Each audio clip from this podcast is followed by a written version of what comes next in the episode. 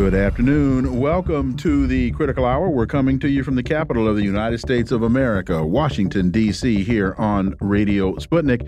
I'm your host, political scientist, author, and nationally syndicated columnist, Dr. Wilmer Leon. I'm joined here by my co host, political analyst, Garland Nixon. Thank you, Wilmer. For the next two hours, we will explore and analyze the salient news stories that are impacting the global village in which we live.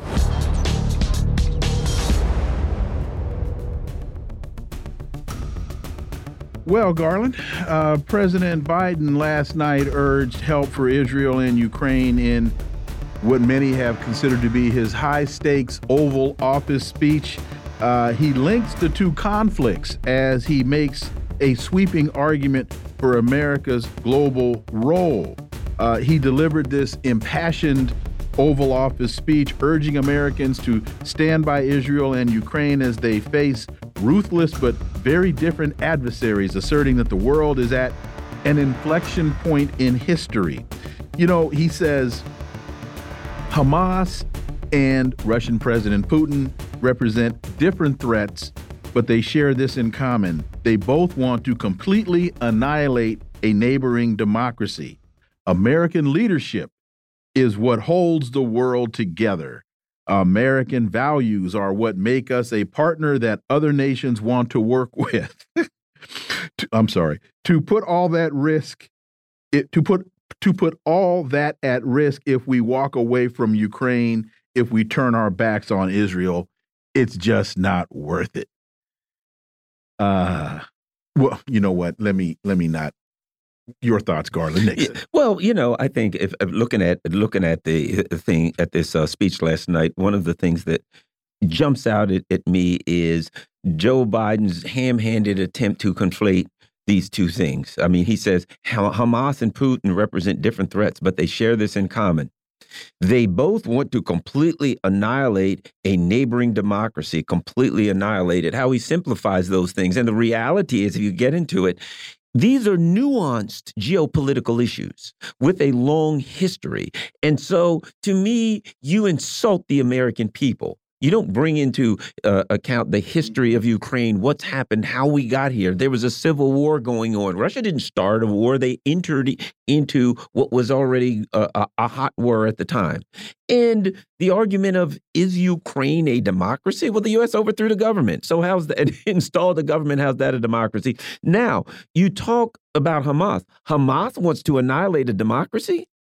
Hamas this is an issue of a country that has been embroiled in an, in, a, in a battle over an occupation since the since the 1940s. And what is that they just woke up one day and said, "Hey, there's a democracy next to us. Can't stand democracy.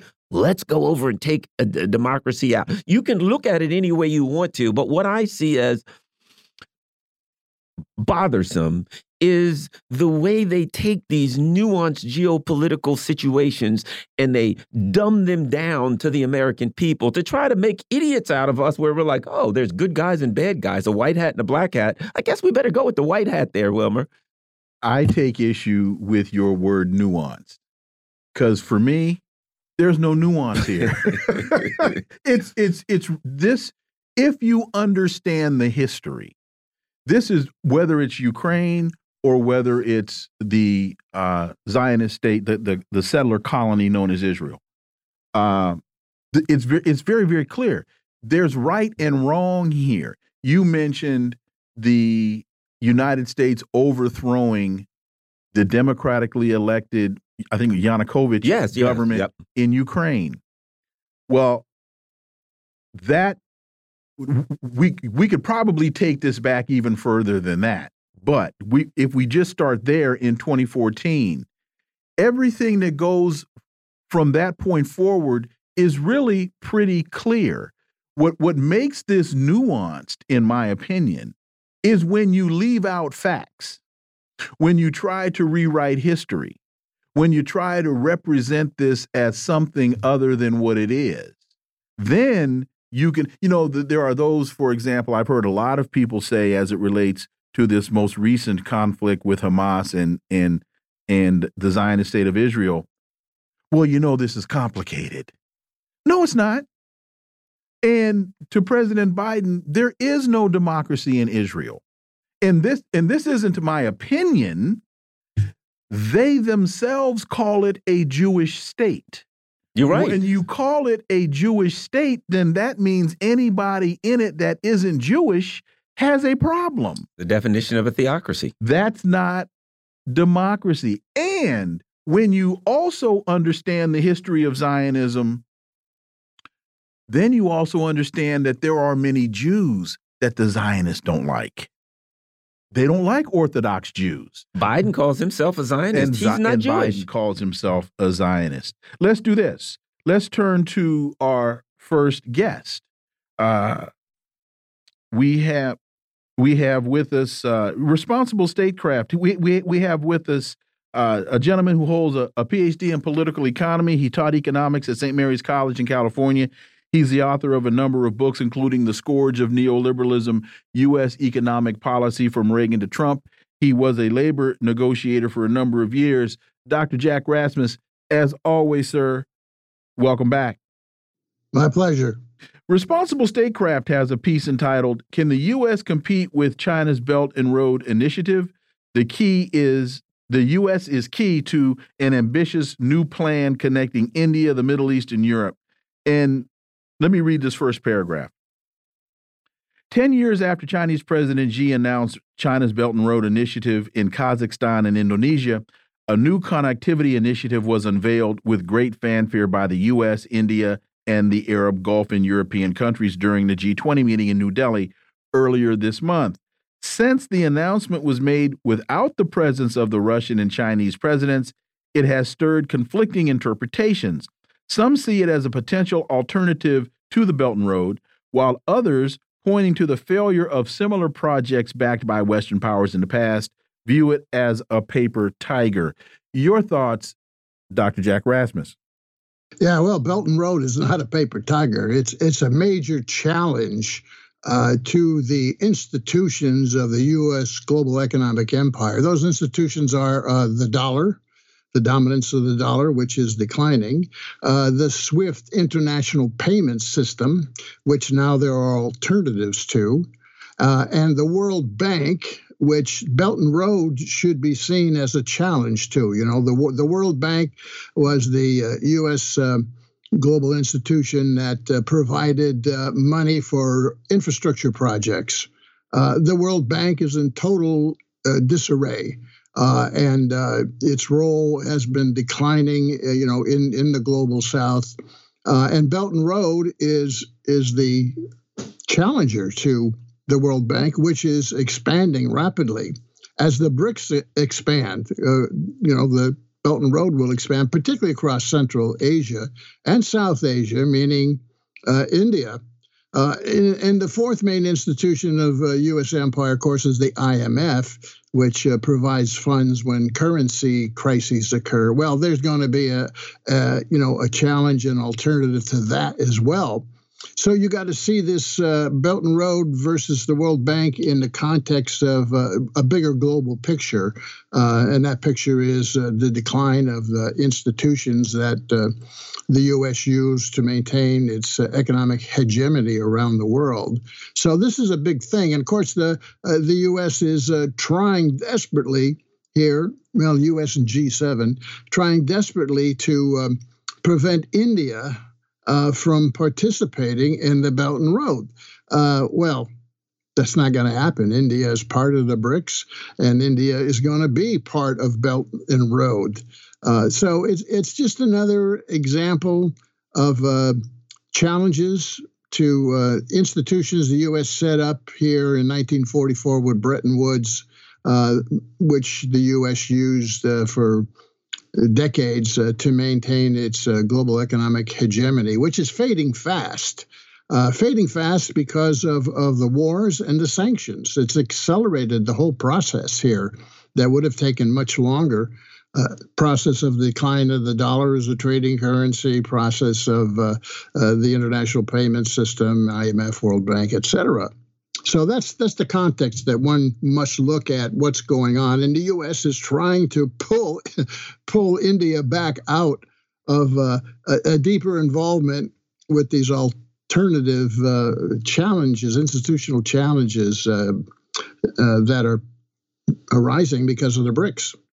And you know, Dr. Jack, one of the things that I'm noticing, so the U.S. said, you know, we are going to have this connected connectivity initiative. You know, they're going to challenge the Belt Road. It's going to be Israel. It's going to be UAE. Stop right there. There you go. Stop right there. there you go based on what's going on now, it ain't going to be Israel, the UAE, and Saudi Arabia. And here's my point: what China did was they went in with the they're planning on running this Belt and Road Initiative through the Middle East. They went in. They're planning on expanding BRICS at that time. So they went in, and they made peace between Saudi Arabia and Iran in the area that they wanted to do their initiative, so that it would work. It wouldn't work without peace. Somebody would blow it up. The U.S. says, "Well, we're going to do an initiative in the area," and then they make a war which kills their initiative. You have to add diplomacy to your economic projects. Your thought on that, Doctor Doctor Jack? Yeah, well, it, it's not that they just made a war. I mean, the U.S. Uh, uh, influence in the Middle East is, totally collapsed. You know, because of the positions that uh, Biden has taken. You know, in the past, American diplomats and presidents were much more careful about uh, the positions they took and uh, you know how they talked about uh, defending Israel. I mean, uh, uh, Biden has totally blown it. Uh, I mean, even from the perspective of their own empire and their own allies. I mean, to go over there as he has and just to parrot uh, these lies, uh, propaganda lies, you know, about beheaded babies, which of course uh, even the White House uh, backed off after he said it. Uh, you know, with without even thinking about how you say it. Uh, and then, of course, uh, he immediately embraces the whole idea that, oh, you know, the bombing of the hospital was because of a, uh, uh a, a, missile that misfired and fell back on a hospital, you know, as if these missiles had 500 pound bombs, right? Which they don't. I mean, the point I'm making is this guy is totally inept. And when it comes to foreign policy, I don't know if he can't remember what his advisors are telling him to say and not to say, uh, or or if he just forgets. I think he probably forgets. I think his advisors, uh, you know, tell him don't say these things. There's nothing to be gained by saying these things, but he says them anyway. You know, uh, this guy belongs in a memory care facility, uh, and and it's just another example how the leadership in the late empire, the quality of the American imperial leadership is so bad. I mean, these are mistakes that uh, you know uh, Jim Baker and Kennan and these others generation before would never make. Uh, that's you know, the bottom line is the U.S. is finished in the Middle East. It's finished. It's got no influence, and Biden uh, has played a big role in that, shooting himself in the foot. Current 30 year mortgage rate is highest in over two decades. What that means for buyers a tough housing market for home buyers got tougher as mortgage rates rose to their highest level since 2000, averaging 7.5% for a 30 year conventional loan. And you take that, uh, Dr. Jack, along with the uh, Federal Reserve Chair pledges to move carefully uh, on rates amid range of uncertainties. Can you kind of put those two things together and because it really seems as though uh, the the the chair of the Fed is is missing uh, some factors in his analysis. Well, Fed Chair Powell is between a huge rock and a hard place, right? He knows that he's got to raise interest rates more uh, in order to really uh, address inflation, which now is beginning to accelerate again. Uh, but if he does that, he exacerbates uh, the banking system and financial instability. He knows that. Uh, so how does he walk that tightrope? Not very well. Look, uh, you you got to distinguish between. There's two Feds here. What I mean by that is the Fed announces changes in its short-term policy interest rate. That's you know that's the five and a half percent, and that's what he means when he talks about I'm going to have to maybe raise it again but the Fed is already driving up long term interest rates, 30 year rates already. So you know, the talk about uh, the pause, that's your short term rates. The long term rates are going up. Why are they going up? Because the Fed has to somehow finance almost $2 trillion of deficit this year. How do you do that? The only way you do it is raising your interest rates and getting more people, more countries uh, to buy your treasury bonds. They got to raise interest rates to deal with the deficit. But if they raise interest rates, well, then, you know, they're going to have a problem here with the banking system. And the rates going up will maybe precipitate the real economy into a deeper contraction as well. Uh, so, you know, there's this choice. Why, why are rates going up? Well, because the Fed has to finance 1.78 trillion. Also, also because the Fed is dumping long-term treasuries, 30-year treasuries onto the market. That's the big problem. That's why long-term rates are going up. It's dumping its $8 trillion debt. The Fed has an $8 trillion debt too, uh, onto the market by dumping supply of treasuries onto the market. Well, when you increase the supply of anything, you know, guess what happens? Right?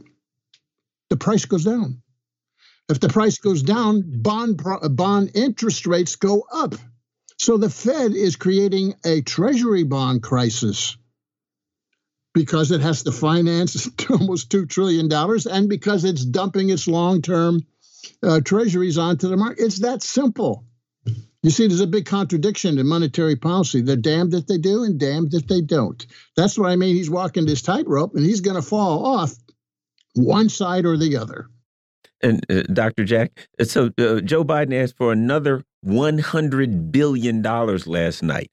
Where does that come from? Does it come out of tax dollars? Do they just do treasury bonds? Do they print it? No, that's part of the deficit, and that's why the Fed has to raise even more money, and that's why the Fed has to raise interest rates, which it's doing. You see, uh, I mean, it's not taxation that's going to pay for this. We're running a 1.7, 1.8 trillion dollar deficit this year alone, and the total national debt is approaching 34 trillion. And here's the kicker, you know, with interest rates so high, and dumping so many treasuries onto the market trying to sell them to cover the deficit right when when you're doing that right when when the fed is throwing so much and raising interest rates right uh, the interest on the 34 trillion debt is going through the roof in 2019 that interest payment annual was 290 billion dollars this year it's 650 billion dollars and it's going higher it's in two, three years, it'll be $900 billion. In five years, it'll be more than the total defense spending. This is a crash, a train wreck fiscal crash coming here in the next two to five years if they continue this kind of unlimited defense. But I don't think this guy Biden really understands this. Uh, you know, I, I think it's beyond his thinking. And the neocons who tell him what to do, they don't give a damn. All they want is more war, and uh, they're getting it. Uh, you know, Biden was asked by a journalist a couple days ago. He said, "Can the U.S. fight a two a, a, a two front war?" You of know? course and we can. We're America. Him, yeah, he looked at him incredulously. He says, "What?" Eventually, effectively say, "Are you crazy? Of course we can. This is the United States of America." Uh, no, Joe, you can't. This isn't 1943. Janet Yellen said we have 45 seconds. Janet Yellen said the same thing. She said, "Of course yeah, we." She's, go ahead. She's she's got to parrot him. She she can't go contrary to him because if she does, the financial markets will, you know, investors will go crazy. You know, oh, this administration is is schizophrenic. You know, of course she's going to say. But Janet Yellen is the economist. She knows what's going on. But they got to do what okay. whatever the uh, the president says and Whatever he says is what the neocons say. Dr. Jack Rasmus, as always, thank you so much for your time. Greatly, greatly appreciate that analysis, and we look forward to having you back. Always glad to join you guys. Folks, you're listening to the Critical Hour on Radio Sputnik. I'm Wilmer Leon, joined here by my co host, Garland Nixon. There's more on the other side. Stay tuned.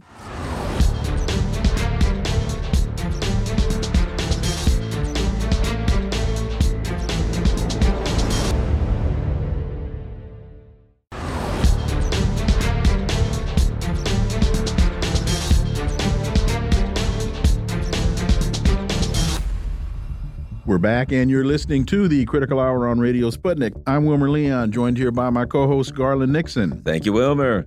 President Biden urges help for Israel and Ukraine in high stakes Oval Office speech. The president links the two conflicts as he makes a sweeping argument for America's global role. For insight into this, let's turn to our next guest. He's an independent investigative journalist and author of three books The Frozen Republic, The Velvet Coup, and America's Undeclared War. Daniel Lazare. As always, Dan, welcome back. Thanks for having me. So, as Garland and I were, were discussing briefly at the top of the show, President Biden says Hamas and Putin represent different threats but they share this in common. They both want to completely annihilate a neighboring democracy.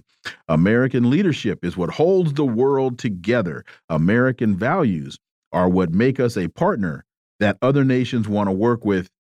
To put all that at risk if we walk away from Ukraine, if we turn our backs on Israel, it's just not worth it. Dan Lazare, your thoughts. Uh, well, Biden is is correct. I mean, American leadership is what holds the world together, or at least the the portion that's allied with the U.S. But the problem is, uh, America's falling apart. Uh, I mean, the, the, we have no House of Representatives because due to the Republican deadlock. Uh, uh, Jim Jordan lost attempt is, number four. Is, As Snidely Whiplash would say, curses foiled again. I mean, I just heard Jack Rasmus going on about the uh, federal debt load and the uh, the stepped up spending for the war. Biden wants hundred billion dollars for aid for Ukraine and uh, in Israel. He tends to borrow that money, and that is driving up interest rates, pushing mortgage rates uh, far beyond the re- the the, uh, the, the the reach of ordinary Americans. Uh, there's a major housing crisis going on in this country the uh, the, the, the social fabric is is fraying, uh, and and the wars are multiplying, and the U.S. foreign policy is highly aggressive towards Iran, towards China. Uh, I mean, essentially, Biden doesn't know when to stop. He's got two wars in his hands and seems to be angling for three, for one or two others. Uh, well, you, you, know, Dan, and and um, when you look at it, uh, here's what I think. America gets to see now what this country looks like when the neocons are in charge. You know, we've been talking about the neocons for some time. There was the Wolfowitz and the Perles and on and on, and and now we get to see they have the um, the steering wheel. And the thing that that is most pronounced to me is they have no regard whatsoever for the United States and the citizens. They are on some kind of an ideological crusade around the world for power, that they're a ruling elite that are completely divorced from the reality that there are working people out here every day, that they're the infrastructure, that there's a country that they have to take care of. Dan. Well, yeah, I mean, I mean Benjamin Netanyahu, the Israeli prime minister, was a a, a, major force behind the, uh, the, the, the neocon surge of the uh, early aughts. Uh, I mean, he pushed the uh, he pushed for more American wars, more more aggressive policy, um, and and it was a policy of endless warfare. Uh, and it's now gone very, very far. The world is blowing up. The Middle East may be on the, on the edge of an explosion, and um, and uh, and it, Biden is incapable of turning this policy around. So, uh, so things are really getting hairy out there. A couple of things, Dan, that Biden said that are just flat out wrong. He said Hamas and Putin they want to completely annihilate a neighboring democracy. Ukraine was not a democracy. The United States overthrew that democracy in 2014. Israel, as by its own statements, a Jewish country is not a democracy. In fact, there are Jews within Israel that Zionists don't like. So that that's just wrong.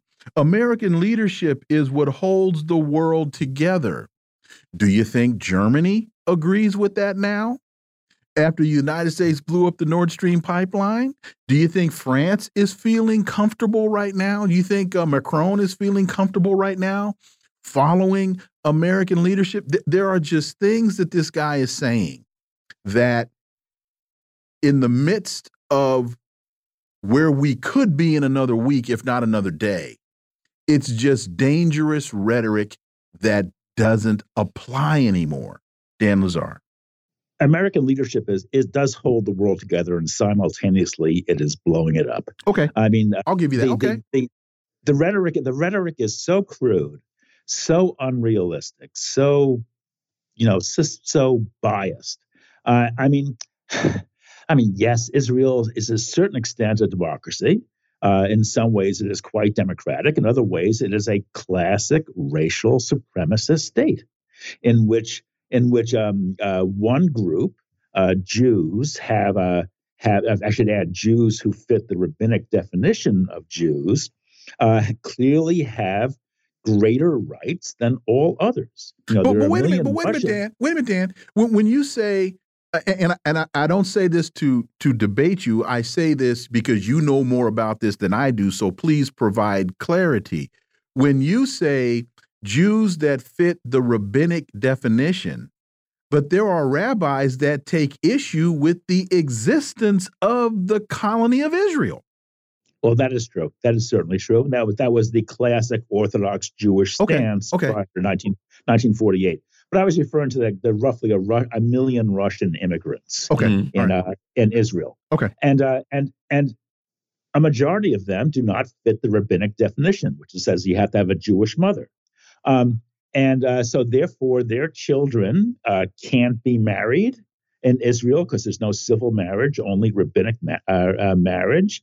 Uh, their children can't get the best jobs because there's there's rampant job discrimination in Israel against uh, against non-Jews.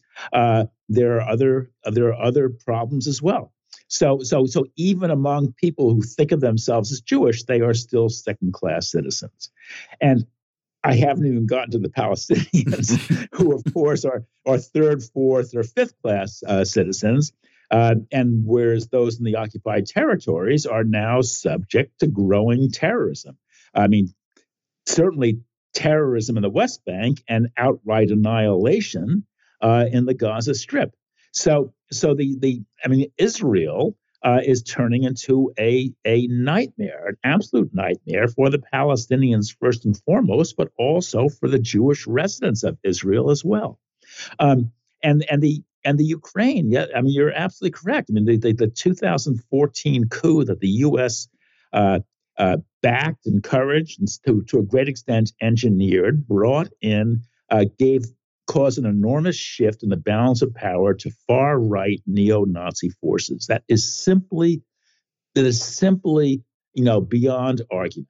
It's so clear. Even the New York Times reported it at the time. They, they reported on the very heavy neo-Nazi uh, presence in the front lines of those of those uh, fighting to uh, to expel to overthrow the legally elected president of the Ukraine. Um, so so the so the regime now is a is heavily in, uh, influenced by the ultra right, and it from the very from 1914 on, it pursued a provocative confrontational policy towards its own Russian speakers in the eastern part of the country and with Russia itself. And as a result, it is now plunged in war a devastating war, which is just, you know, destroying, killing tens of thousands of people, destroying the Ukrainian uh, economy, and creating a, a poisonous atmosphere that will last for generations. This is what this neocon, uh, you know, pro-war policy has led to. Here's the other thing too you know, it kind of reminds me. I know of an instance where someone asked um, somebody to borrow money to help pay their rent, and they went out and bought a TV with it. And the person asked them, and they said, "Well, if I told you I was going to buy a TV, literally, I know of this. If I told you I was going to buy a TV, you wouldn't have gave me the money. That's why I lied, right?" He's the United States and our partners across the region are working to build a better future for the Middle East, one where the Middle East is more stable, better connected to its neighbors, uh, and through innovative projects like the India, Middle East, and Europe Rail Corridor that I announced this year. He literally lies to the American people. They, he's not asking for this money to make uh, uh, uh the Middle East more stable, sending more weapons there, making the, the, the, the Middle East more stable would have been uh, last week when there was a resolution for a ceasefire in the Middle East, uh, in the in, in, the conflict, to say, let's do this ceasefire, let's start negotiating. That's stability. So he literally, if you read this speech, has to lie to the American people. Our government is lying to us for money because if they told us they were going to buy a TV, we wouldn't have lent them the money. Dan. Yes, I, Biden. Biden has uh, stands for highly confrontational highly warlike policies in both the Ukraine and Israel slash Palestine. There's just no question about it. And the the IMEC, the uh, the India, Middle East, Europe corridor they've been talking about, this is just deader than dead.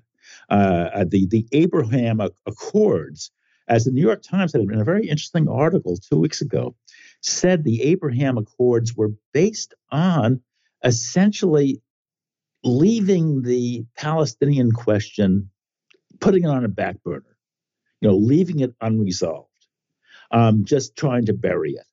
Uh, and uh, and that has been Biden's policy to try to make peace between Israel and Saudi Arabia over the heads of the Palestinians. Well, you know, whatever you think of happened what, uh, of what happened on October seventh, and I find it pretty horrifying. But whatever you think about that military operation, one thing it shows is that burying the Palestinian problem is not going to work. He continues, uh, like so many others, I'm heartbroken by the tragic loss of Palestinian life, including the explosion of the at the hospital in Gaza, which was done, which was not done by Israeli. The explosion, uh, like it was a boiler blew up or something. uh, we mourn every innocent life lost. We can't ignore the in the humanity of innocent Palestinians then why do you just nakedly, blatantly, unabashedly back the occupiers in the region? That's the first yeah, thing. Uh, well, go ahead. I mean, I mean, Israel in the first six days after October seventh, Israel dropped more bombs on on Gaza than it did in the uh, in a in, in Afghanistan. I, I believe uh, on an annual basis in Afghanistan. I mean, Israel, that this is an area half the size of New York City, and Israel is pouring high explosives into it at a at a a, a huge rate. Uh, the people there are sitting ducks. They have nowhere to go. They have nowhere to hide. It is a it is a terrifying situation. Um, and uh, and and meanwhile, the, the the the the crimes of Israel go unaddressed. The inequities, the inherent racism of that state are simply, you know, wiped, you know, uh, out of memory. It's it's not only is it grossly unfair and immoral, it's also impractical. It's not going to work. You know, Dan, something I wanted to bring up, and that is, I recall in Ukraine immediately immediately after the, the war started, there was a deal, there was a bargain and the U.S., et cetera, sent um, and their cohorts sent Boris Johnson over there to say to Ukraine, "Don't take the peace deal." Now, what happens? This week, Russia, China, a number of other countries say, hey, we've got a UN resolution for a ceasefire, um, uh, uh, aid to, you know, um, humanitarian aid, things like that, things that seem reasonable to me. You know, I'm no friend to the Nazis in Ukraine, but I would have said, take the ceasefire and work out a deal because we don't want innocent people to die. No matter what the conflict is, innocent a, people or guilty Nazis. Right. A ceasefire, humanitarian aid, that's the way to go. In both of those instances, what Biden is talking about, the United States was the one that rejected the, excuse me, the Biden administration were the ones that rejected peace in both instances, Dan.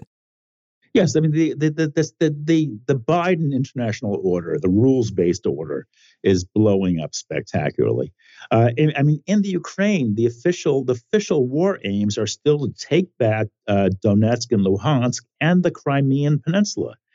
This will this is a recipe for endless warfare because that simply will never happen. There's no way the Ukraine can take back the Crimea. It was never part of the Ukraine to begin with. By the way, it was transferred to the, to the Ukraine in 1954 uh, as part of a kind of a a, a, PR gesture by Nikita Khrushchev, but it's it's never been a real part of the Ukraine, and they will never take it back. So the U.S. essentially is committing the Ukraine to endless warfare in order to achieve an, an unattainable goal, and the same thing is true in the uh, in in Israel Palestine.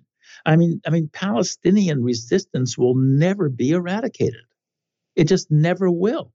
It's just too. It's it's impossible. It's too unfair. It's too undemocratic. And any attempt to do it will, first of all, wind up destroying uh, whatever shreds of democracy remain in Israel itself, and that is a threat to the to the you know to millions of Israelis. And of course, the horrors installed for the Palestinians are far far greater. House Republicans once again have failed to elect a speaker. Jim Jordan fails on his fourth attempt. And again, I quote that brilliant philosopher, Snidely Whiplash, curses foiled again. Yeah, but the you know the the the Congress is falling apart.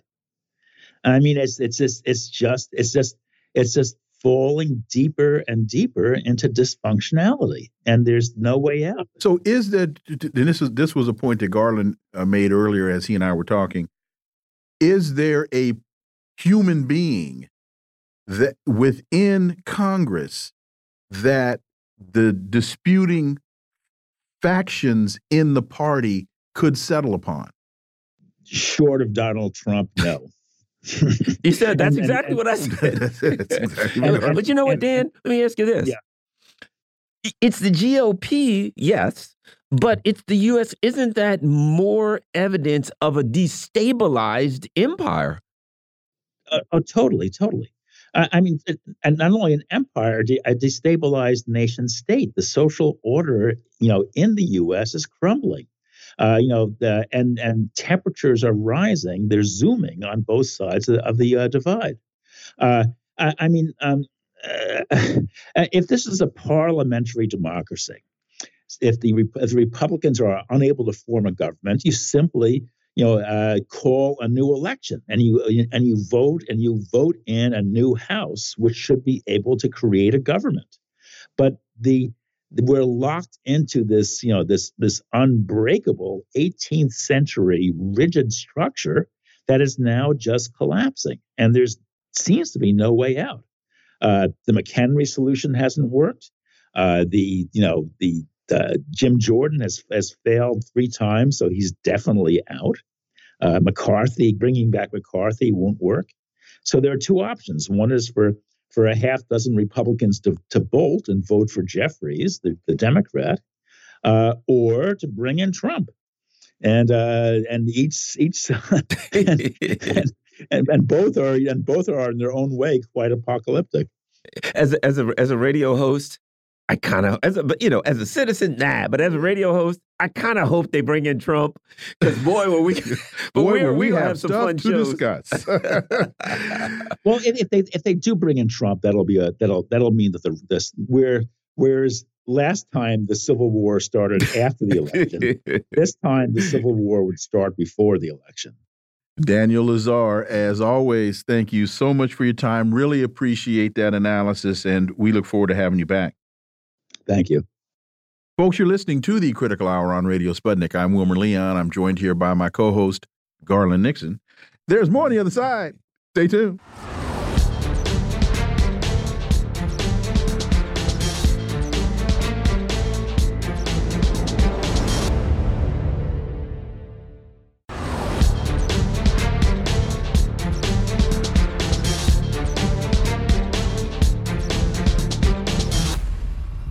We are back, and you're listening to the Critical Hour on Radio Sputnik. I'm Wilmer Leon, joined here by my co host, Garland Nixon. Thank you, Wilmer. Sputnik International has a piece entitled U.S. Not Ready for War with Iran.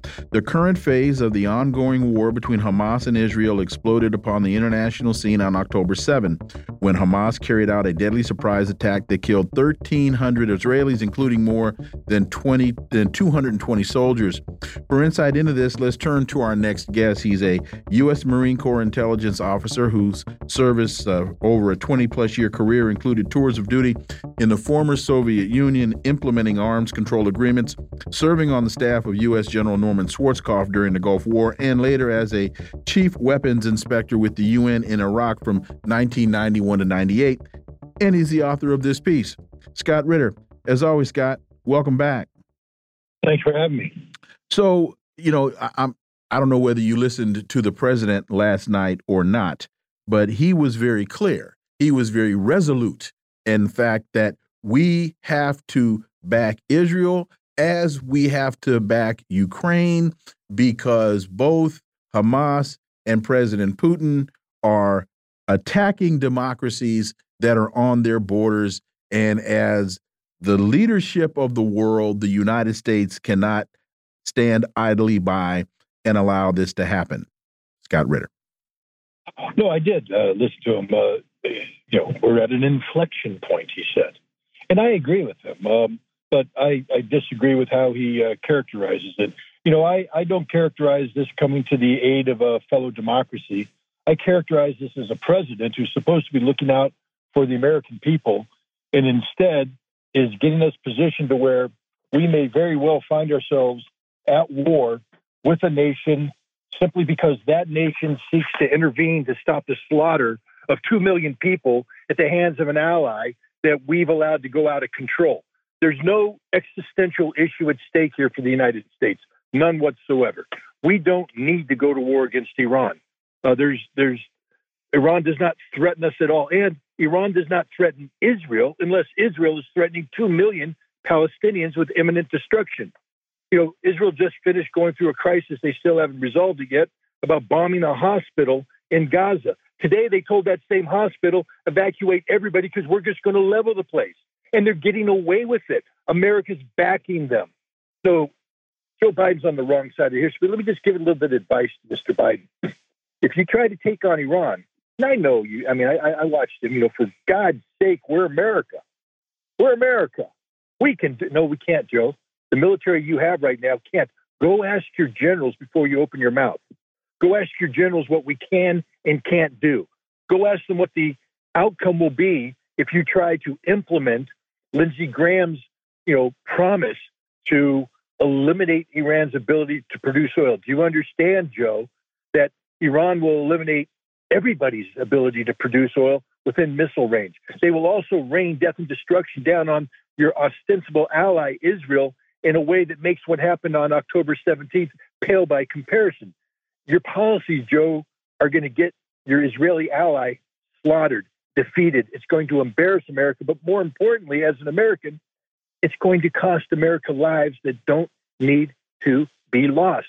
We have men and women who honor us by wearing the uniform of the United States of America. And we should make sure that when they say we're willing to lay our lives down in defense of America, that when we call upon them to do so, that it is truly in defense of America. Joe, you're getting ready to send Americans off to die because the Iranians have the moral fortitude and courage to say enough is enough when it comes to the slaughter of 2 million Gazans. You could stop this war, Joe, if you would simply tell the Israelis, cease and desist. They have no choice but to listen to you because Israel cannot function without America. But instead, you're greenlighting their mass murder and you're getting ready to reward them with an additional $10 billion worth of military aid, giving them the very tools they need to kill the Palestinians. Yeah, I listened to the president's speech. I wasn't too impressed. Let me ask you this two things to throw at you, Scott. Number one, um, the danger of World War III. The Russians have two bases in Syria.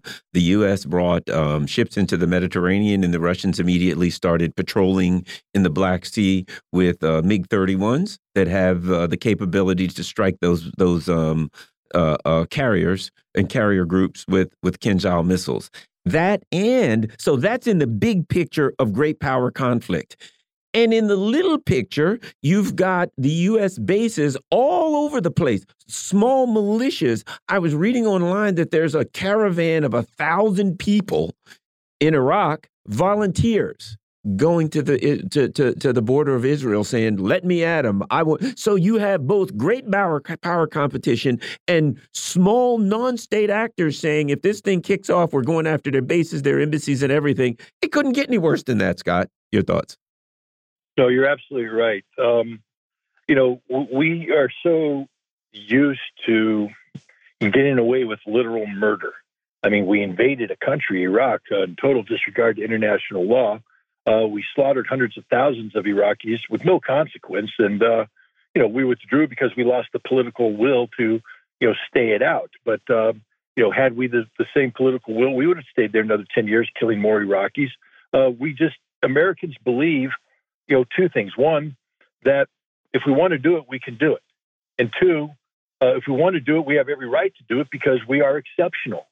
Um, well, the Iraqis are about to prove us just how wrong we are on this. I hope people understand that the troops that we have in Syria are not supermen. These are human beings. When they take a bullet uh, to the head, they die. When they take a bullet to the artery, they bleed out, just like everybody else. And you know, one of the ways we keep them alive is through the golden hour. We can evacuate them to a hospital ready to receive them. That hospital happens to be in Erbil, uh, Iraq, and then they get further uh, transported to Landstuhl, Germany. Um, they're supplied food, ammunition, everything they need to live. Goes through a long road that uh, leads through Iraq, southern Iraq, into Kuwait. That road's about to be cut. Those Iraqi militias that are talking about going to the Israeli border are the same ones that are saying, we will cut the supply line. How do we open that supply line? We don't have the troops available to do that. We have a brigade in Kuwait that will get slaughtered as it works its way up to Baghdad because it's only a brigade. We have air power that won't be able to loiter and cover the space and time. The troops in Erbil will have to be evacuated by air. The troops in Syria will have to make a run for the border or get slaughtered on the ground. You know, we're not invincible. Uh, we're in a very precarious situation, made even more so by the fact that we are literally kicking the hornet's nest. You know, if you kick a hornet's nest long enough, when it swarms out and stings you, you can't blame the hornets. You have to blame yourself. And that's what we're doing here. We're about to get swamped. Uh, if they decide to come in, you know, when they come in in onesies and twosies, you know, we have sufficient power to hold them to account. We're also backed up by an Iraqi government that portends to be our ally in many cases. But we've lost the Iraqi government. If they give the green light to these uh, militias to go wild, there's literally nothing we can do. It's going to be horrific imagery of, you know, people coming over the fence, overwhelming, overrunning an American base, and we're going to see pictures of American soldiers dead on the ground, face down on the ground, being captured, possibly being executed, uh, and there's nothing we can do to stop it. That's our future if we don't get our affairs in order. So you spent some time in in these meetings, and I, I'm I'm trying to wrap my head around the Zionist colony of Israel looking at Iran, looking at Gaza, looking at Lebanon, the Saudis are now saying the agreement that we were working on, we're going to put that on hold. You've got President Putin with uh, fighter jets with Kinzhal missiles, hypersonic missiles flying around the Black Sea that can travel that 860 miles and sink the aircraft carrier. This is this is rhetoric versus reality when you listen to Joe Biden. So you've sat in these rooms, you've you've engaged in these discussions. Who in the room is other than Tony Blinken? Who's in the room and and and, and Victoria Nuland and her husband? Who's sitting in the room going, Joe? Yeah, we can win this. Well, first of all, understand how policy is made. It's like sausage. Um, national security policy begins at what they call the deputies level. That's the working group uh, headed up by the deputy national security advisor, and he'll bring together all the people. And you know, I've been invited to a couple of these. Um, you're you're invited to stay so long as you're saying ah. the right thing, or okay. you're in a position where nobody can challenge you. But the moment you deviate off script, the meeting will be suspended. The participants will be sent back. and then they'll reconvene in a day, but you won't be invited. So it's nothing but groupthink. 100%. There's nobody uh, who wants to be anybody uh, because at the deputies level, you're not a principal. That's the next level. That's where the decisions making uh, is done. The, the, final decisions are made. Uh, but at the deputies level, that's where you know the options are are thought out. And if if you aren't saying the right thing, if the deputy national security advisor isn't happy with what you're saying, as I said, I've seen it. The meeting is stopped. He has to take a phone call. Uh, we'll get back to you. Everybody goes home, and then they send out the email telling everybody to reconvene, but you're not on that list because you've become inconvenient. They don't want the best options. They only want the options that meet the political goals and objectives set by the by the administration in question. Scott, two articles, I'll put them together. One of them is UN Security Council rejects Russian resolution for Gaza ceasefire. The other is China calls for ceasefire and Israel suggests mediation at meeting with Russia. And here's my point. We we were reported yesterday on some articles that basically said as a result of this, the U.S. is the, the empire has lost the global South. The global South is done with us. Looking at this and what's going on with Russia and China, it seems to me Africa, the Middle East, after this, there ain't going to be no, oh, we'll just do a deal and we'll go back to our normalization, blah, blah, blah.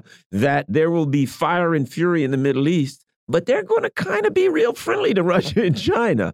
Uh, your thoughts on the fallout, and I use that word reticently, but the political fallout on uh, from from this? Well, look, it, it's clear that um, the Security Council of the United Nations is paralyzed by the veto of the United States when it comes to doing the right thing in the Middle East. Our veto is an extension of uh, Israeli foreign and national security policy. And if anything is proposed in the United Nations that runs afoul of Israeli uh, intentions and desires, then the United States will automatically step in and veto it. Um, Russia put forward the most reasonable uh, resolution one could imagine purely humanitarian grounds, a ceasefire to save lives. Uh, this is what the United Nations is supposed to be about. The United States vetoed it because Israel's not in the business of saving lives. They're in the business of slaughtering innocent Palestinians. I remind people, just so you don't think I'm speaking, you know, out of nowhere, Israel just sent a warning to the uh, to the hospital that they already bombed, killing hundreds. That they're going to level the place, and if they don't evacuate the 13,000 people that are there, they will all die, and Israel doesn't care. That's the Israeli stance. It's indefensible. Russia tried to stop it with a ceasefire resolution. The United States vetoed it. Now, look at China. China needs a stable world for their economic vision to become reality.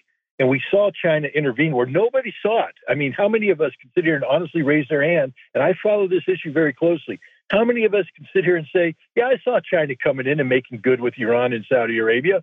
No one saw that. The Chinese did it because they care about stability. China's been talking about being a mediator between Israel and the Palestinians, Israel and the Arab world to resolve this uh, this solution. Um, Israel is going to find itself increasingly isolated in the world, where its last remaining friend is an impotent old grandpa named Joe Biden, and the impotence refers to his virility as a national leader, nothing else. Um, but the point is, Israel will be alone and abandoned. They're going to need China.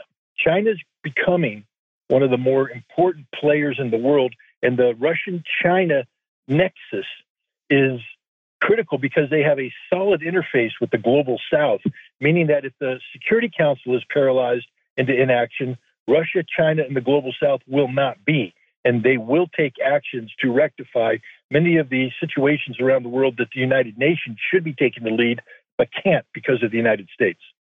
We have just about two and a half minutes left one of the things as I looked at this thing, at this whole conflict developing over the last week, when after uh, Hamas uh, sent the missiles into uh, the the colony, was I kept saying, well, as as as Netanyahu was saying, we're gonna we're gonna turn Gaza into dust. I couldn't imagine Hamas preparing as they prepared for Saturday and not thinking about Monday.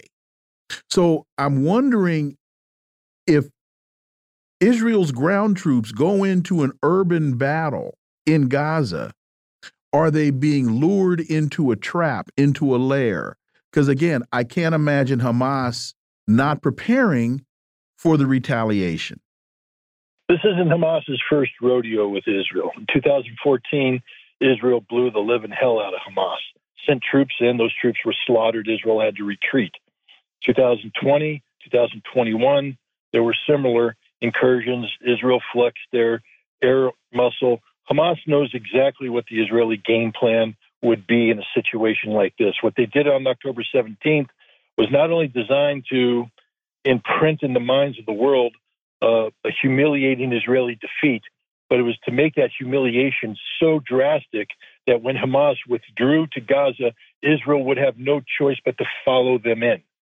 And Hamas is waiting. They have thought this through very carefully. They know what the bombs can do, they know how deep they have to go, they know what tactics they have to use. They have prepared for this, they are ready for this. Israel has no clue what's about to happen to them. Literally, they're going to be entering the depths of hell. And I truly feel sorry for those Israeli reservists who were trying to live their lives in peace to be summoned back and put into a fight that neither they, their army, or their government is prepared to engage in.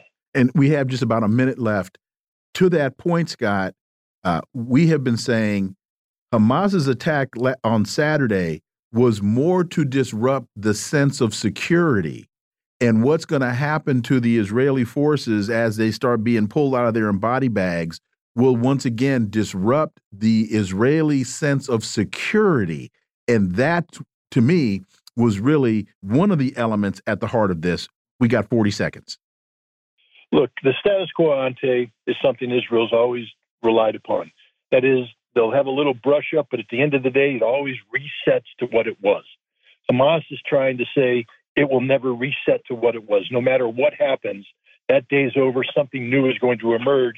And what's going to emerge is that Israel is not the dominant power in this region anymore. And Israel is going to have to learn how to negotiate, not dominate, not bomb. Scott Ritter, as always, thank you so much for your time. Greatly, greatly appreciate that analysis. We look forward to having you back. Have a great weekend. Thank you. You too. Folks, you're listening to the Critical Hour here on Radio Sputnik. I'm Wilmer Leon. I'm joined here by my co host, Garland Nixon. There's another hour on the other side. Stay tuned.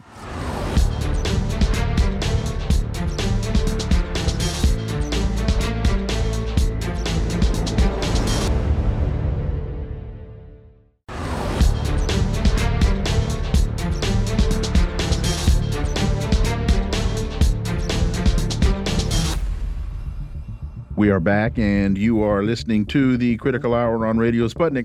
I'm Wilmer Leon, joined here by my co host, Garland Nixon. Thank you, Wilmer. Well, President Biden has urged help for Israel and Ukraine in high stakes Oval Office speech. He links the two conflicts in Israel and Ukraine as he makes a sweeping argument for American globals for America's global role. Well, for insight into this, let's turn to our first panelist. Friday, that means it's panel time. We're joined by the host of AM Wake Up and Slow News Day, uh, Steve, and you can watch that live on Rokfin and Rumble and listen everywhere podcasts are served. Steve Poikonen, as always, Steve, welcome back.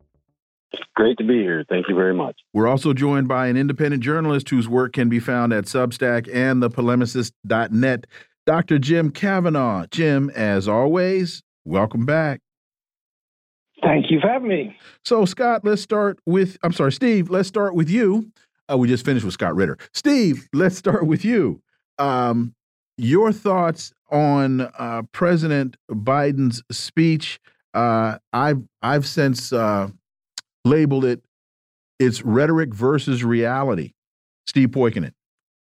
Well, and that's so analogous to what we have with the Biden administration largely is there's the rhetoric of it and there's the reality of it. If you listen to Joe Biden's rhetoric, if you can get past the fact that he does sound like somebody just wandered up to him naked in the freezer aisle at the grocery going, uh, sir, you seem lost. If you can get that past that part of the speech, what you hear is almost some end times rhetoric. Joe Biden seems to be fully committed, uh, not just with your money, but with your potential sons and daughters. into extending and making sure that uh, the current situation in Israel turns into the next uh, version of the global war on terror. And it seems like we're hearing a lot of the same rhetoric that we heard it right after September 11th and in the run up to the Afghanistan war. And it's being led by a lot of the same voices in the media and a lot of the same policymakers. So the, the overlaps are both significant and worrisome. You know, Jim, when when I listened to last night's speech, I reflected back on the speech that Biden gave last week uh, before he went over to the region and when he stood there and talked about we support Israel and we're going to do all this and blah blah blah and I and when I listened to the first speech I said to myself he's missed a historic opportunity to be a statesman. He's missed an important opportunity to tamp down the rhetoric and to call for a ceasefire. Let's see if, you know, we can figure out a way out of this thing with with fewer bullets and and um and more support. And then I listened to him last night and I said, dude, you're just stuck on stupid. Jim Kavanagh. Well, yeah, you know, uh, what Steve is saying, awkward is the kindest word you can say. It's really hard to watch him now. It's hard to watch him. Uh, so, first of all, there's that. You know, this guy is reading very stiffly from a teleprompter, and you know, doesn't you get the sense he doesn't really quite understand what he's talking about. But the the the, the substance of it, as Steve said, is we're going to go to war. And as you say, but you know, that's a rash, from a rational point of view, a rational, even kind of self-interested American how to be a, a strong, strong, you know, country in the world, and is you you go into a situation like this, which you know you weren't attacked directly, and you say let's let's kill things off, let's not kill a lot of people. You know, let, I mean, he himself will get up and say, let's not make the mistakes we made after 9 11. But if you do, Israel, and you are, we're going to support you 100%. I mean, you know, and everybody sees this. It's it's so the Americans' statesmanship is off the table completely. Diplomacy is off the table from the Ameri- for the Americans. I mean, because from the Israel point of view, this is not something that can be played with the way it has been previously. We can we can go and give a bloody nose to Hamas and and, and retreat. Uh, you know, we got to wipe out Hamas because this really is threatening the Zionist project. It's threatening what Hamas is saying. What what that action of Hamas was saying was the Palestinian people are not going to be quiet. They're not going to sit back and let you enjoy your mastery over them in comfort, which is what Israel, Israeli settlers have to do in order to, for the Zionist project to succeed. So they have to try and get rid of all the resistance of the Palestinians, all six, seven, six point seven, almost seven million of them, who are the majority of the population Israel controls, according to the Israeli army. And it's impossible. So the, Biden has signed on to this impossible task on behalf of Israel. And again, he's telling Americans this is war, war of Ukraine, war in Israel. We're going to go to war. We won't send troops to Ukraine. Didn't send, we wouldn't send, didn't say we wouldn't send troops to Israel. But you just have to go along with it because you know, our values demand it, and it's a great investment for us. This is nonsense. American people aren't buying this, I don't think, anymore after 9 11 and all the war on terror. They see it exactly as forever war all over again. Yeah, you know, what I hear is we can go to war, but don't worry, we're not going to lose any soldiers. No body bags are coming home. But we're, we're going to go to war and we're just going to give money. You know, one of the things then reading this speech, a particular passage, I'll say this. There's a, a book that I love called The Confidence, the, the Confidence Game, Why It Works Every Time, about con artists, the con game. And one of the things they talk about is people want to think like they're smart and exceptional. And a con artist will tell, oh, you're so smart, you're great. Oh, nobody could ever fool you. They utilize that against you. Let me read this. We are the United States of America. This is from Biden's speech. We are the United States of America. The United States of America. And there is nothing, nothing beyond our capacity if we do it together. It's the con artist saying to the American people who may look at this and say, eh, can we really go to war with everybody in the world? And We got some troubles. Can we spend money? We're the United States, man.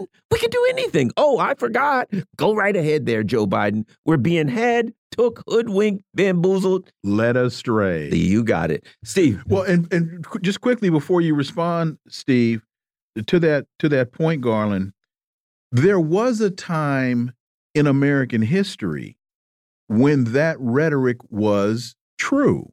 World War II. But now Russia is there. They've got fighters flying around the Black Sea. China is there. They can send hypersonic missiles. The the the the opposition has changed. And we're broke. And we're broke. and we're we don't have the strength that we used to have. You know, Arnold Schwarzenegger today is not the Arnold Schwarzenegger of 30 years ago. I probably still can't take him, but I'd stand a better chance today than I did 30 years ago. So, Steve. Steve, why does Wilmer hate America? I think that's the question. well, here's the problem. Here's the problem. In, the, we started off the conversation talking about how there's a difference between rhetoric and reality. With the speech that Biden gave, there's a difference between rhetoric and reality when he tells people, look, man, we're a great country. We two wars once. Great. That people have to walk outside to maybe go to work or maybe not, and drive by all of the tent cities on the way to where they're going, or the grocery store where they can't afford more than, you know, a bag of groceries because it costs $75 for a bag of groceries now. And you got to pay, you know, here in California, it's almost six bucks a gallon for gas. And, and so they're going, What are you talking about, guy? The, oh, no, we can't afford that. I can't afford my electric bill. What do you mean? Uh, and so the the emperor not only has no clothes at this point, but he's got nobody else's money that he can spend on this. Uh, and so the reality is going to meet the rhetoric in, in some very concrete ways uh, over the next several months or year. But but wait a minute, Steve. You obviously didn't when you say that that the emperor doesn't even have anybody else's money. Janet Yellen just told us on, I think it was Wednesday, of course we can afford to fight two wars. So, so Steve, you can't trust Janet Yellen? I mean, historically, she's been nothing if not accurate. Mostly nothing. Jim. I, this is not a matter of money. the United States does have all the money it needs. As long as people will take dollars for goods, they can buy anything they want. But the problem is the United States doesn't have the goods. And, uh, you know, they, they, they, they, this, it's the deindustrialization of the United States. They've used up all their weapons and sent them all to uh, Ukraine, and they don't have the capacity to reproduce them in the way that Russia, Russia is reproducing them now. This is a matter of substantive uh, raw materials, productive capacity, uh, the, the, the, the real machinery and the buildings that, that construct things, and the United States has doesn't think it needs that. It's got a defense system that's built on boutique. It's a you know it's a boutique uh, system. It buys very expensive hardware that does all kinds of fancy things that really can't be used very well and, and break down all the time. But you know, so again, it's not a matter of money. But uh, the United States, as long as the United States people will take dollars, but some people will stop taking dollars, then it's then it's a real problem. But they can't find the goods. They they don't have them. They don't have the ammunition.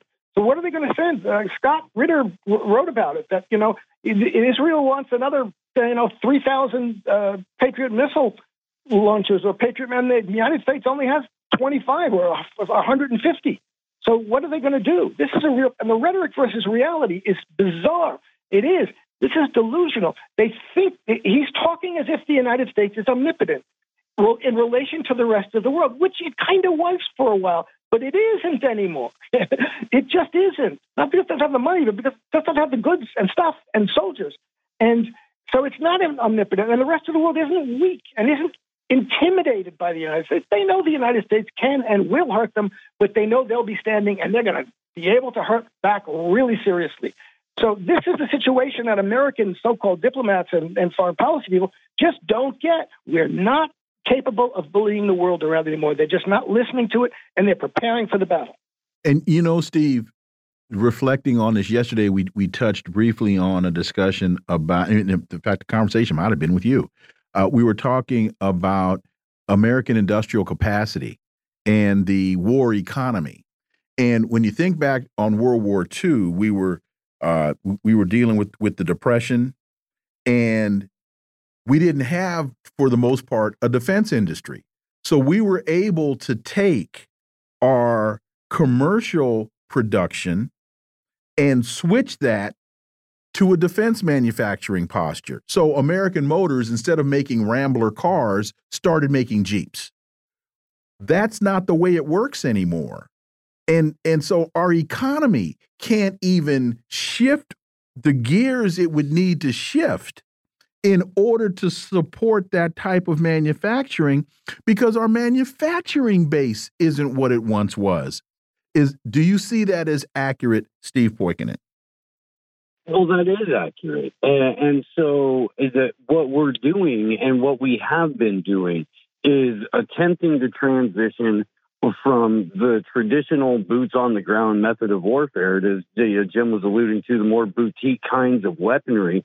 But what we're ultimately getting at is uh, a a digital grid, a digital surveillance and censorship grid that operates domestically in conjunction with a death from above drone patrol grid that operates abroad. And so we we've shifted the way that we recruit militarily. We've shifted the way that uh, the battlefield is looked at overall. And what we're seeing right now is kind of a, a fire sale in terms of conventional weaponry. Yeah, they still need it because they've still got to fight wars, but that's just going to create a, a, a, eventually enriching process for these manufacturers as they produce specialized or try to crank out as many field ready bullets as humanly possible. So it's going to be a supply and demand thing.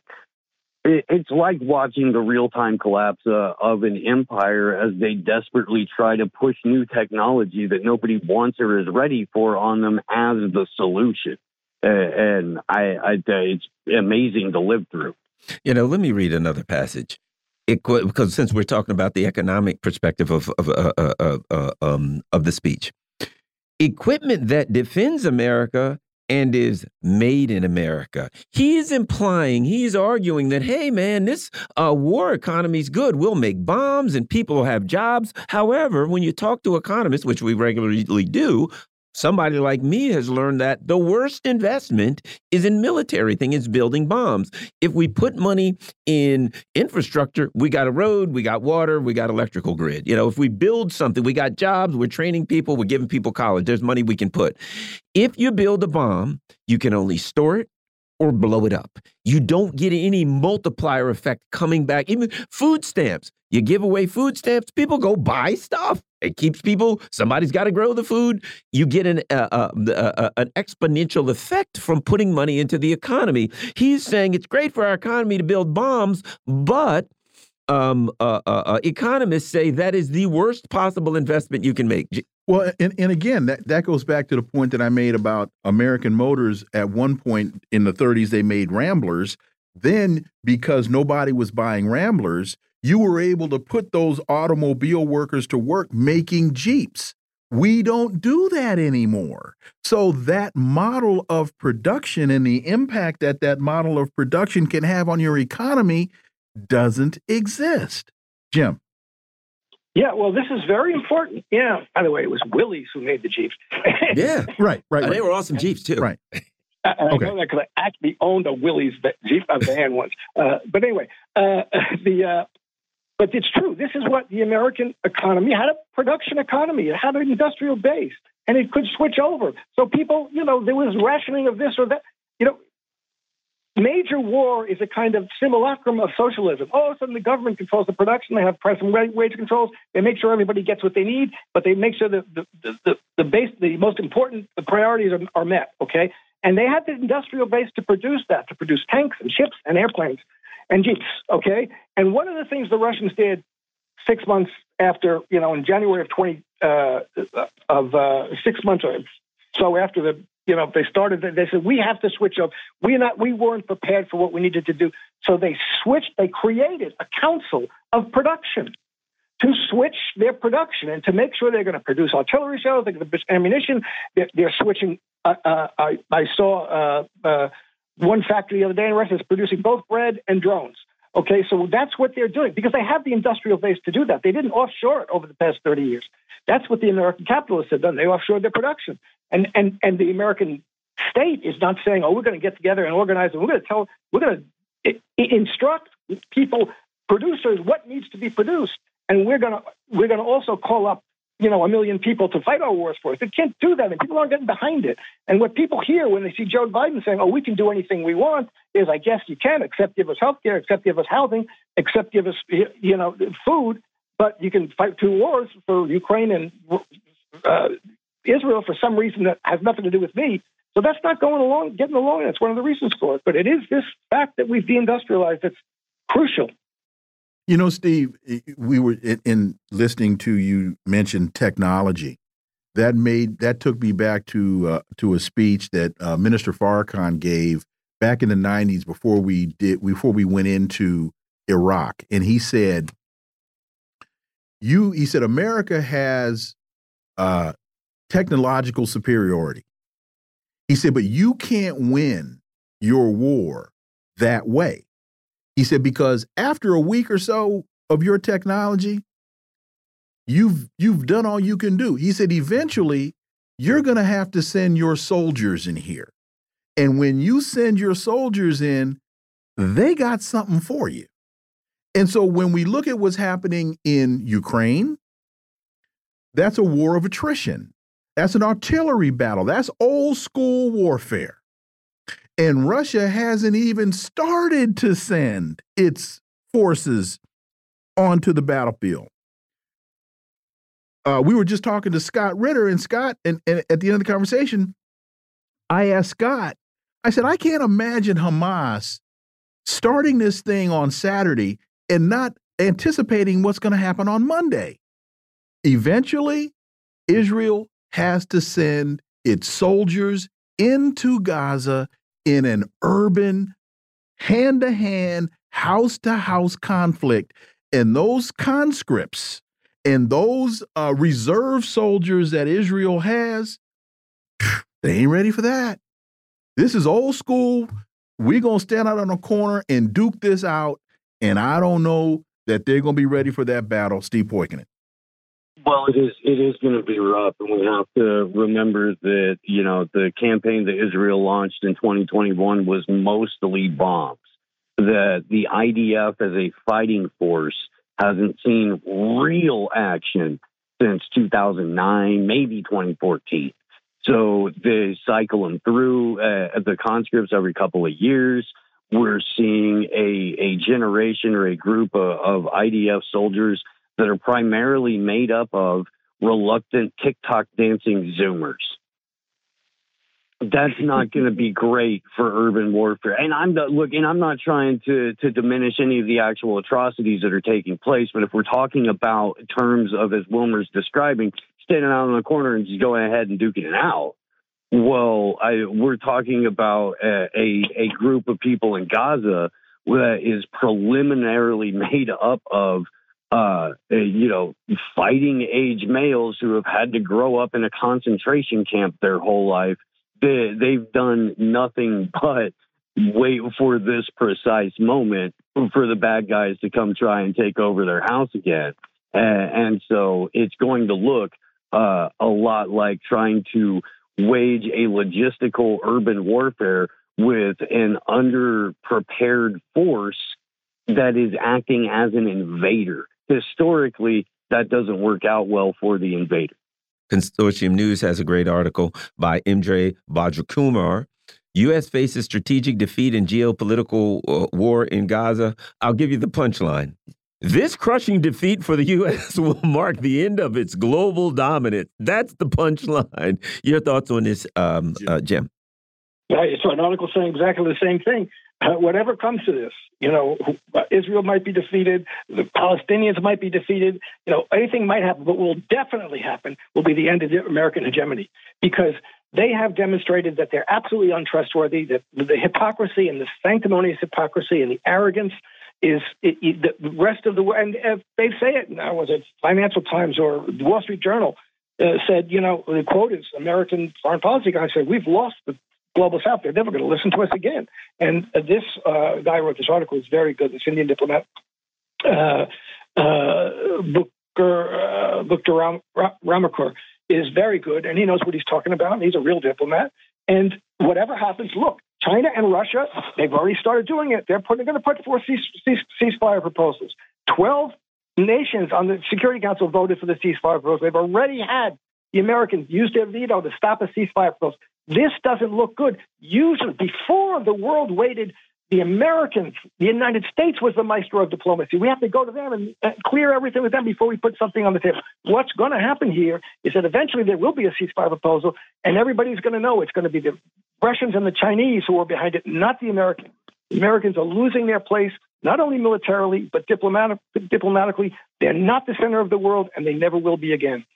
And this is going to be these going to be two defeats here: the defeat in Ukraine and the, the defeat in Gaza, in Israel and, and the Israeli territories will be two great defeats for the United States position in the world. Steve, I, the U.S. and the UK viewed globally right now, they have got to be looked at as the wasted drunk parents at a baseball game where they're trying to start a fight with absolutely everybody in the stands while their spoiled kid, in this case, Israel, is sitting there as a pitcher hitting all of the other team's batters when they come up to bat. And the parents, the US and the UK, are cheering this on and trying to start a brawl with absolutely everyone else who's like, hey, but wait, he's just sitting there beaning these guys. He's not even trying to pitch. And eventually, which now seems to be that moment where the rest of the world is going, you know what? We don't we don't want to play with any of these guys anymore. These guys are just malevolent, weak bullies with a bunch of really expensive toys. I'm done. I'm out of here.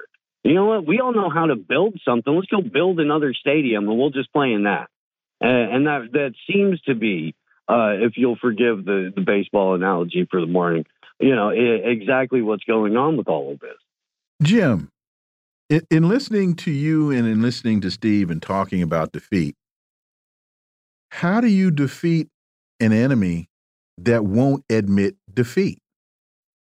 This makes me think. I reflect back on the film uh, Cool Hand Luke, when uh, Paul Newman's character is standing in the ring in, in the in the in the the circle of of inmates, and George Kennedy just keeps knocking him down, and uh, Paul Newman just keeps getting back up, and George Kennedy just keeps, and then finally George Kennedy just says and walks away, and there's uh, Paul Newman scrambling around in the dust trying.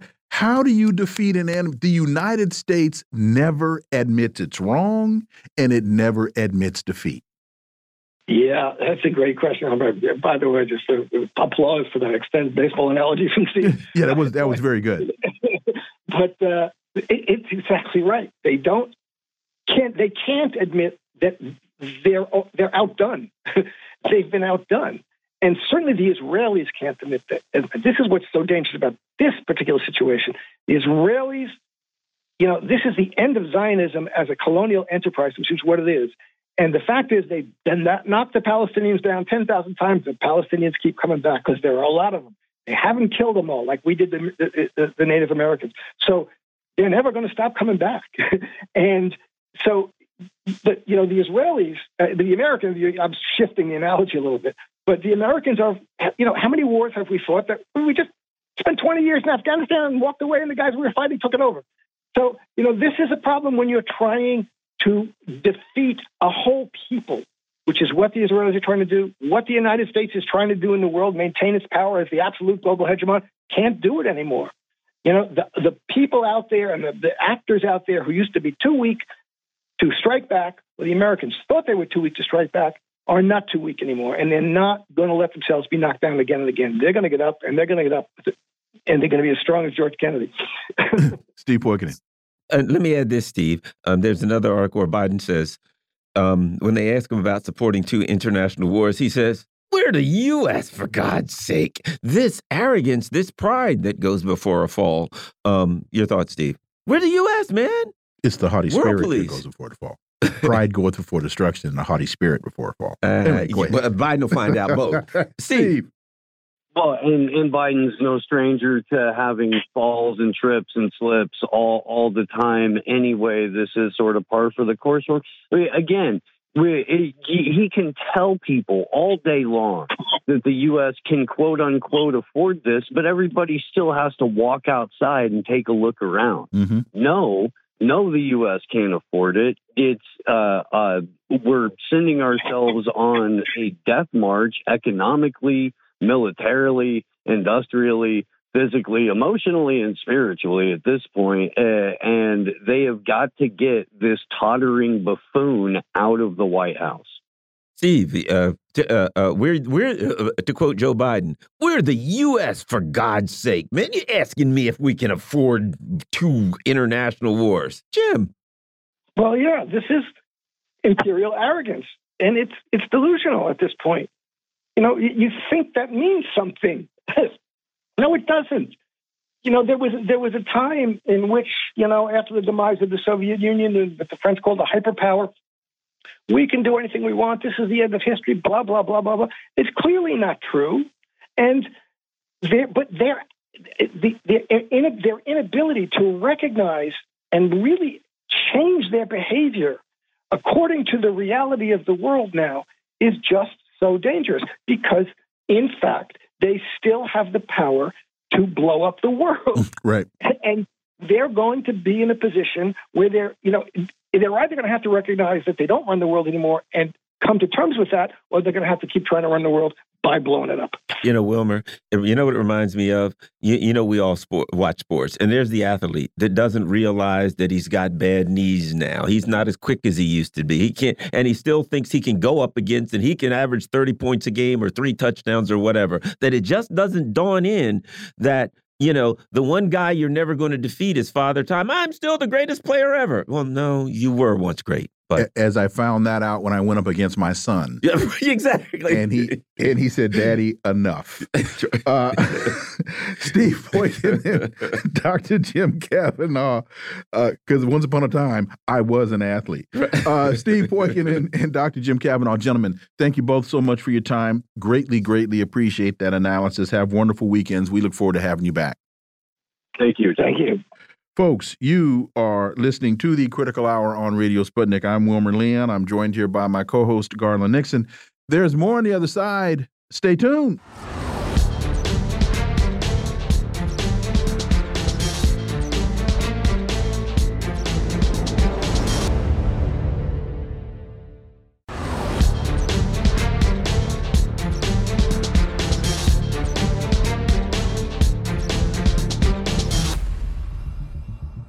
We're back, and you're listening to the Critical Hour on Radio Sputnik. I'm Wilmer Leon, joined here by my co host, Garland Nixon. Thank you, Wilmer. Uh, sorry, I was a little slow on the draw that time, Wilmer. you are not Quick Draw, that much I know. And nor am I Baba Looey. Uh, Biden urges help for Israel and Ukraine in high stakes Oval Office speech. The president links, links the two conflicts as he makes a sweeping argument for America's global role. Well, it's time for our second panel. It is Friday, so that means it is panel time. We're joined by a professor at the Institute for the Study of Gender, Race, Sexuality, and Social Justice at the University of British Columbia in Vancouver, Canada, a member of the Black Alliance for Peace, and an editor of the Black Agenda Review segment of the Black Agenda Report, Dr. Jemima Pierre. As always, welcome back. Thanks so much for having me. We're also joined by the chair of the coordinating committee of the uh, Black, Ag Black Alliance for Peace and editor and contributing columnist for the Black Agenda Report and the Green Party candidate for Vice President of the United States in 2016, uh, Jamu Baraka. As always, welcome back. Thank you so much. So let's start uh, Dr. Pierre, we we thought about getting both of your opinions on last night's speech as it relates to imperialism, as it relates to empire, as we look at the United States trying to uh, formulate a force to go into Haiti, as we look at what's been happening in Niger, um, and of course Ukraine and and what's going on right now in in Palestine. Um, this whole if, if if you read or listened to the speech, this whole rah rah thing about yes we can do all of this because we're America. Are these the uh, the, the, the the the the last kicks of a dying mule, Dr. Jemima Pierre? Oh, definitely. I, I, I, I was actually embarrassed um, for Biden, um, um, Biden um, for um, this this speech, even though in the morning what the the headlines were like, this wasn't a, a, a an amazing speech by by both sides, by the Democrats and the Republican. I thought the speech was actually when I read the speech, and it read like it was talking to a bunch of children, and it really tells us, you know, the way that they think about the American audience. Um, but also, you know, the in the in the idea that the American audience doesn't know anything about foreign policy, which is probably true. And so it it it seems to me this this this move to to to talk about America being the good guys, um, the fact that he had to make sure he linked Hamas and Putin, which I thought was necessary, you know, in the context of demonizing Russia and Putin for the past, you know, you know, I guess what two decades, but really the past uh, a year and a half since the special military operation started, and it was so clear that they had to do that because they had to demonize um, Hamas and the Palestinian people. Let's be real, by linking it to to Russia, and I think, and I think to me, do having to do that tells us that that they are afraid that people are not making the connections they need them to make they need them to make and they know that their their their their power is waning and so i i just thought it was a, a it was a it was a it was an infantile but very dangerous speech because it actually also demonstrates that the us is the biggest as mlk told us the biggest purveyor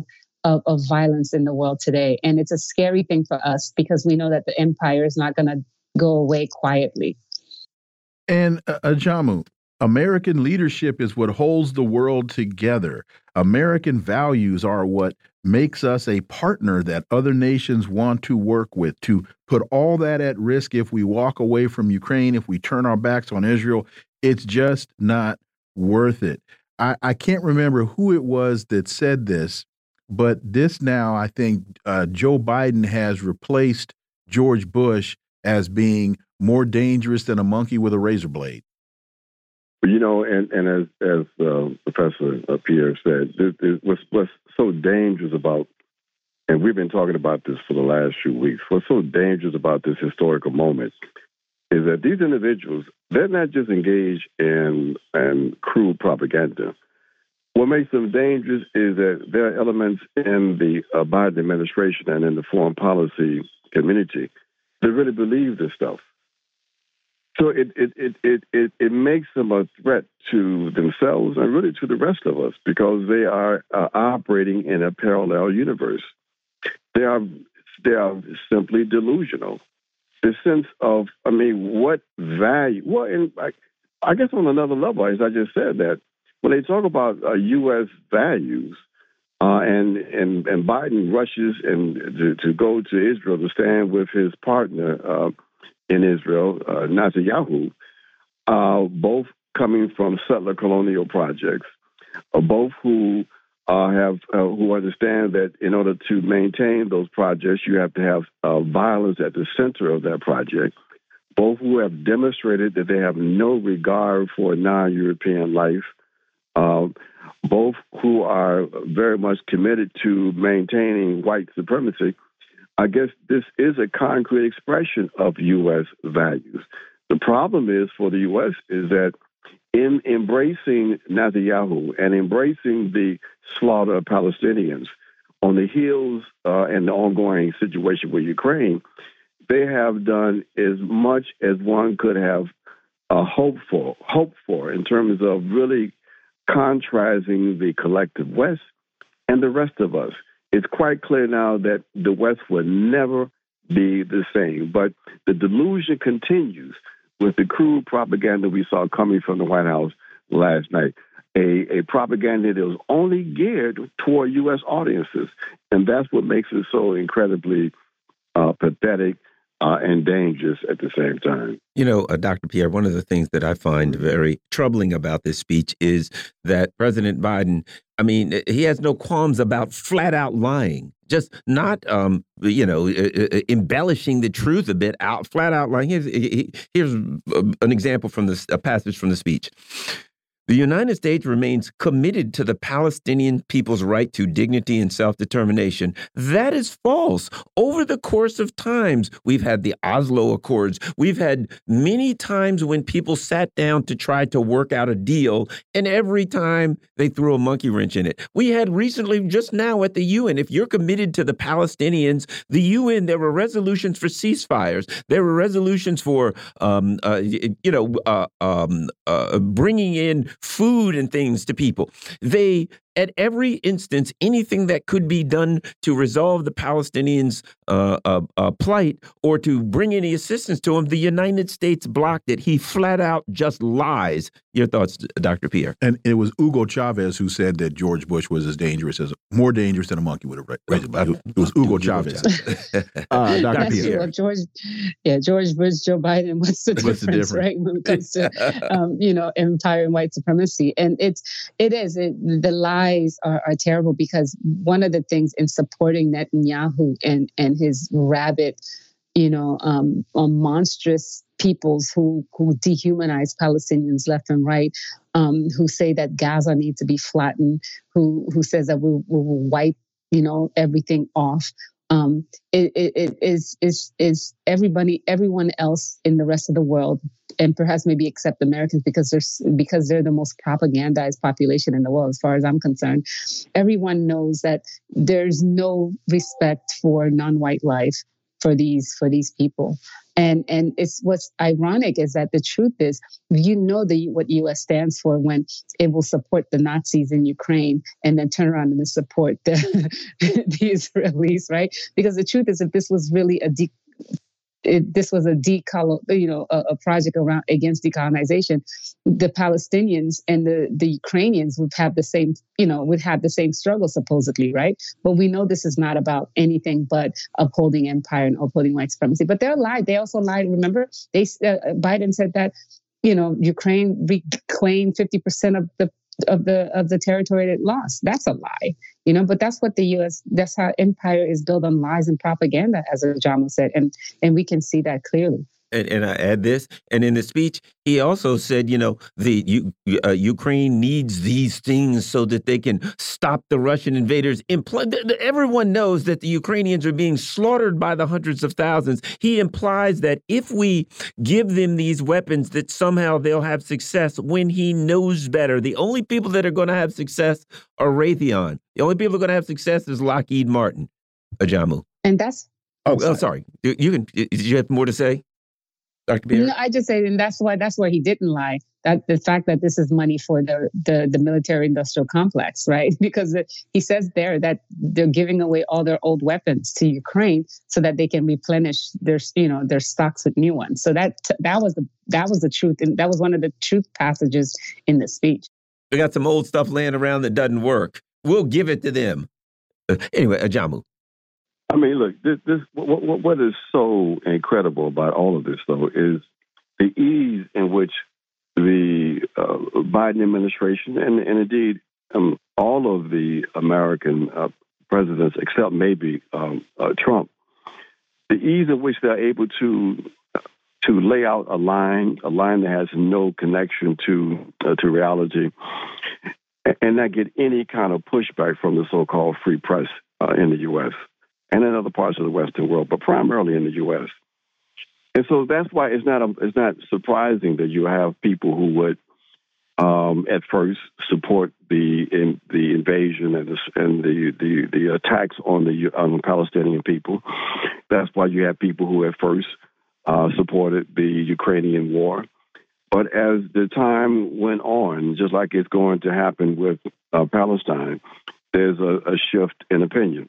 When people are exposed to uh, to alternative sources of information, when people begin to be able to read between the lines and see the inconsistencies of how these events are being reported by their so-called free press, you you, you see a shift in uh, consciousness and a corresponding shift in people's positions.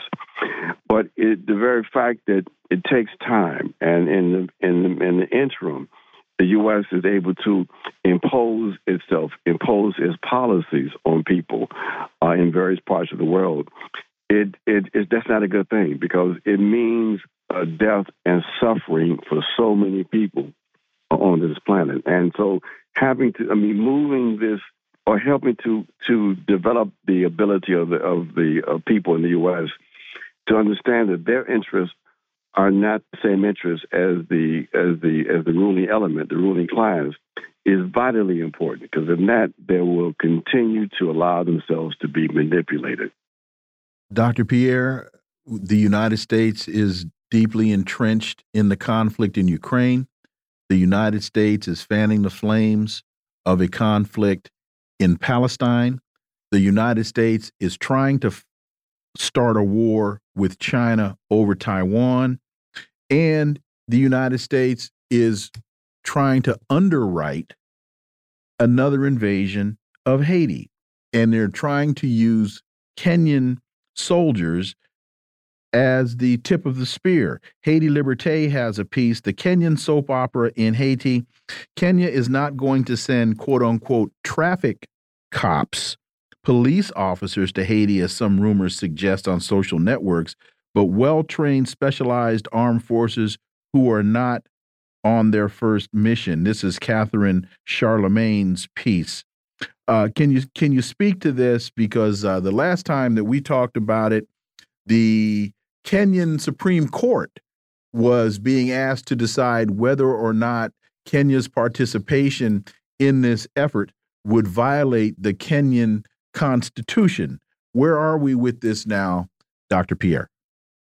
Yeah, the the the Kenyan, um, you know, you know, I, I just have to say clearly that you know Haiti represents one of the key sites, the the the model or the laboratory for Western white imperialism um, and white supremacy when it comes to dealing with the Haitian people, because all this is going on, you know, the deaths caused by the UN, the ongoing meddling and colonized treatment uh, of the Haitian people by the West and uh, led by the US, uh, should also give us pause or should also make us very angry. And this is, you know, this is so this latest intervention, the 10th, you know, in 30 years, should really um, um, also make everyone outraged and, and go against US empire.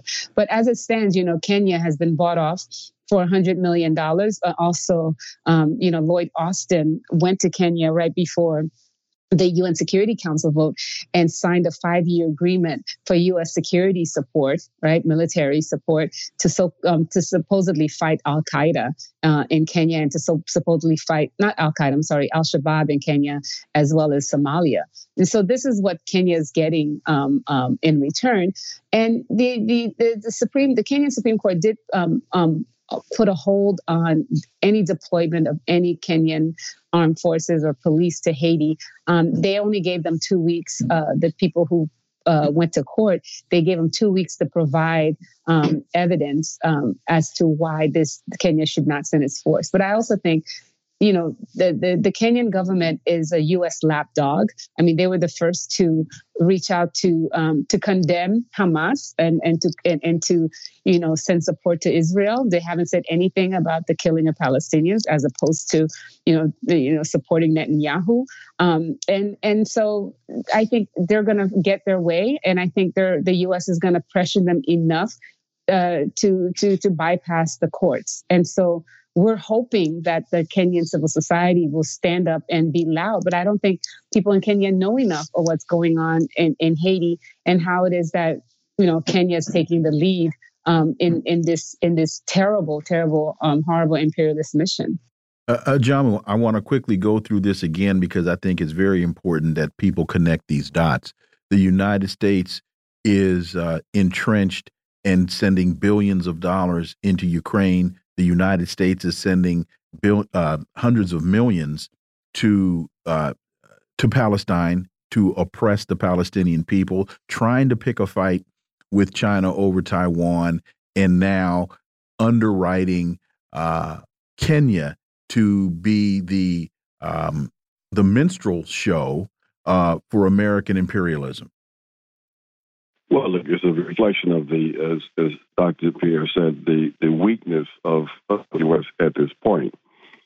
Um, but a weakness that is still backed up by a significant amount of ability to cause a significant death and destruction. The U.S. Um, decision makers have decided that they cannot compete globally with the Chinese, that uh, the economic uh, hegemony of the U.S. is not going to be reversed unless it is by extraordinary means. And the means that they have decided that they can deploy uh, is military. That is where they they still have uh, overwhelming force, the ability to use the military, uh, their ability to use the economic system, uh, uh, including the SWIFT system, uh, to impose all types of, of economic sanctions, uh, to go out of the realm of what is supposed to be the rules of how the global capitalist system operates uh, in order to uh, ensure that uh, they can uh, uh, hold or maybe even try to reverse their economic decline. and so this is the this is what we have today. This is what we see with this commitment on the part of the U.S. to employ these these these these means um, and in order to do that, though, they have to have the support of significant sectors of the U.S. population. That's why uh, Biden had to uh, make the connection between Palestine and Ukraine. Uh, that's the game that they're playing to try to have to continue bipartisan support for their overall broader strategy of, of full spectrum uh, dominance. Uh, and that's why it's important, vitally important, for uh, progressive forces to understand the terms of struggle and to call out these politicians, in particular the black ones, who are lending their voice and giving political cover to this kind of, of criminal uh, activity on the part of, of the U.S. state. RT reports Macron holds talks with France's last Sahel ally. The Chadian and French presidents have pledged to strengthen bilateral ties, the African nation's presidency has said. And I think that's related to Haiti because as French colonialism is kicked out of Africa, they need uh, somebody else to rob. And there, there go the Haitians. Your thoughts, Dr. Pierre?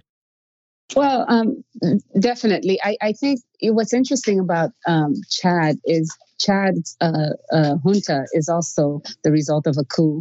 Um, after the, the head of Chad's junta, um, um, uh, uh, Idris Deby, the, the father, was killed um, um, in battle, right? And who himself came into power um, through a coup d'etat. But re- notice how quiet the West and France have been in, in, in, in, in, in around this coup. They haven't, they haven't they haven't um, uh, uh, critiqued the coup. In fact, there this guy, you know, uh, the uh, the junior Deby was supposed to turn over power, um, you know, 18 months after he took over power, and then he extended he extended it to October 2024. So what that's, that tells us is just how bankrupt um, the West is in terms of dealing with um, um, uh, just with the notion of, of, of, democracy and so on and so forth, but also tells us that France is desperate, right? And, and I think you're right. Uh, is desperate in that it's it's holding on. It won't critique Chad, um, but also I, I, heard that Niger was said that basically the troops that they were kicking out of Niger were going to be re, um, hmm. repositioned in Chad, where the, where France already has more than a. Ajamu, we seem to have uh, dropped. The uh, young oh, people oh, see it. Go ahead, Dr. Pierre.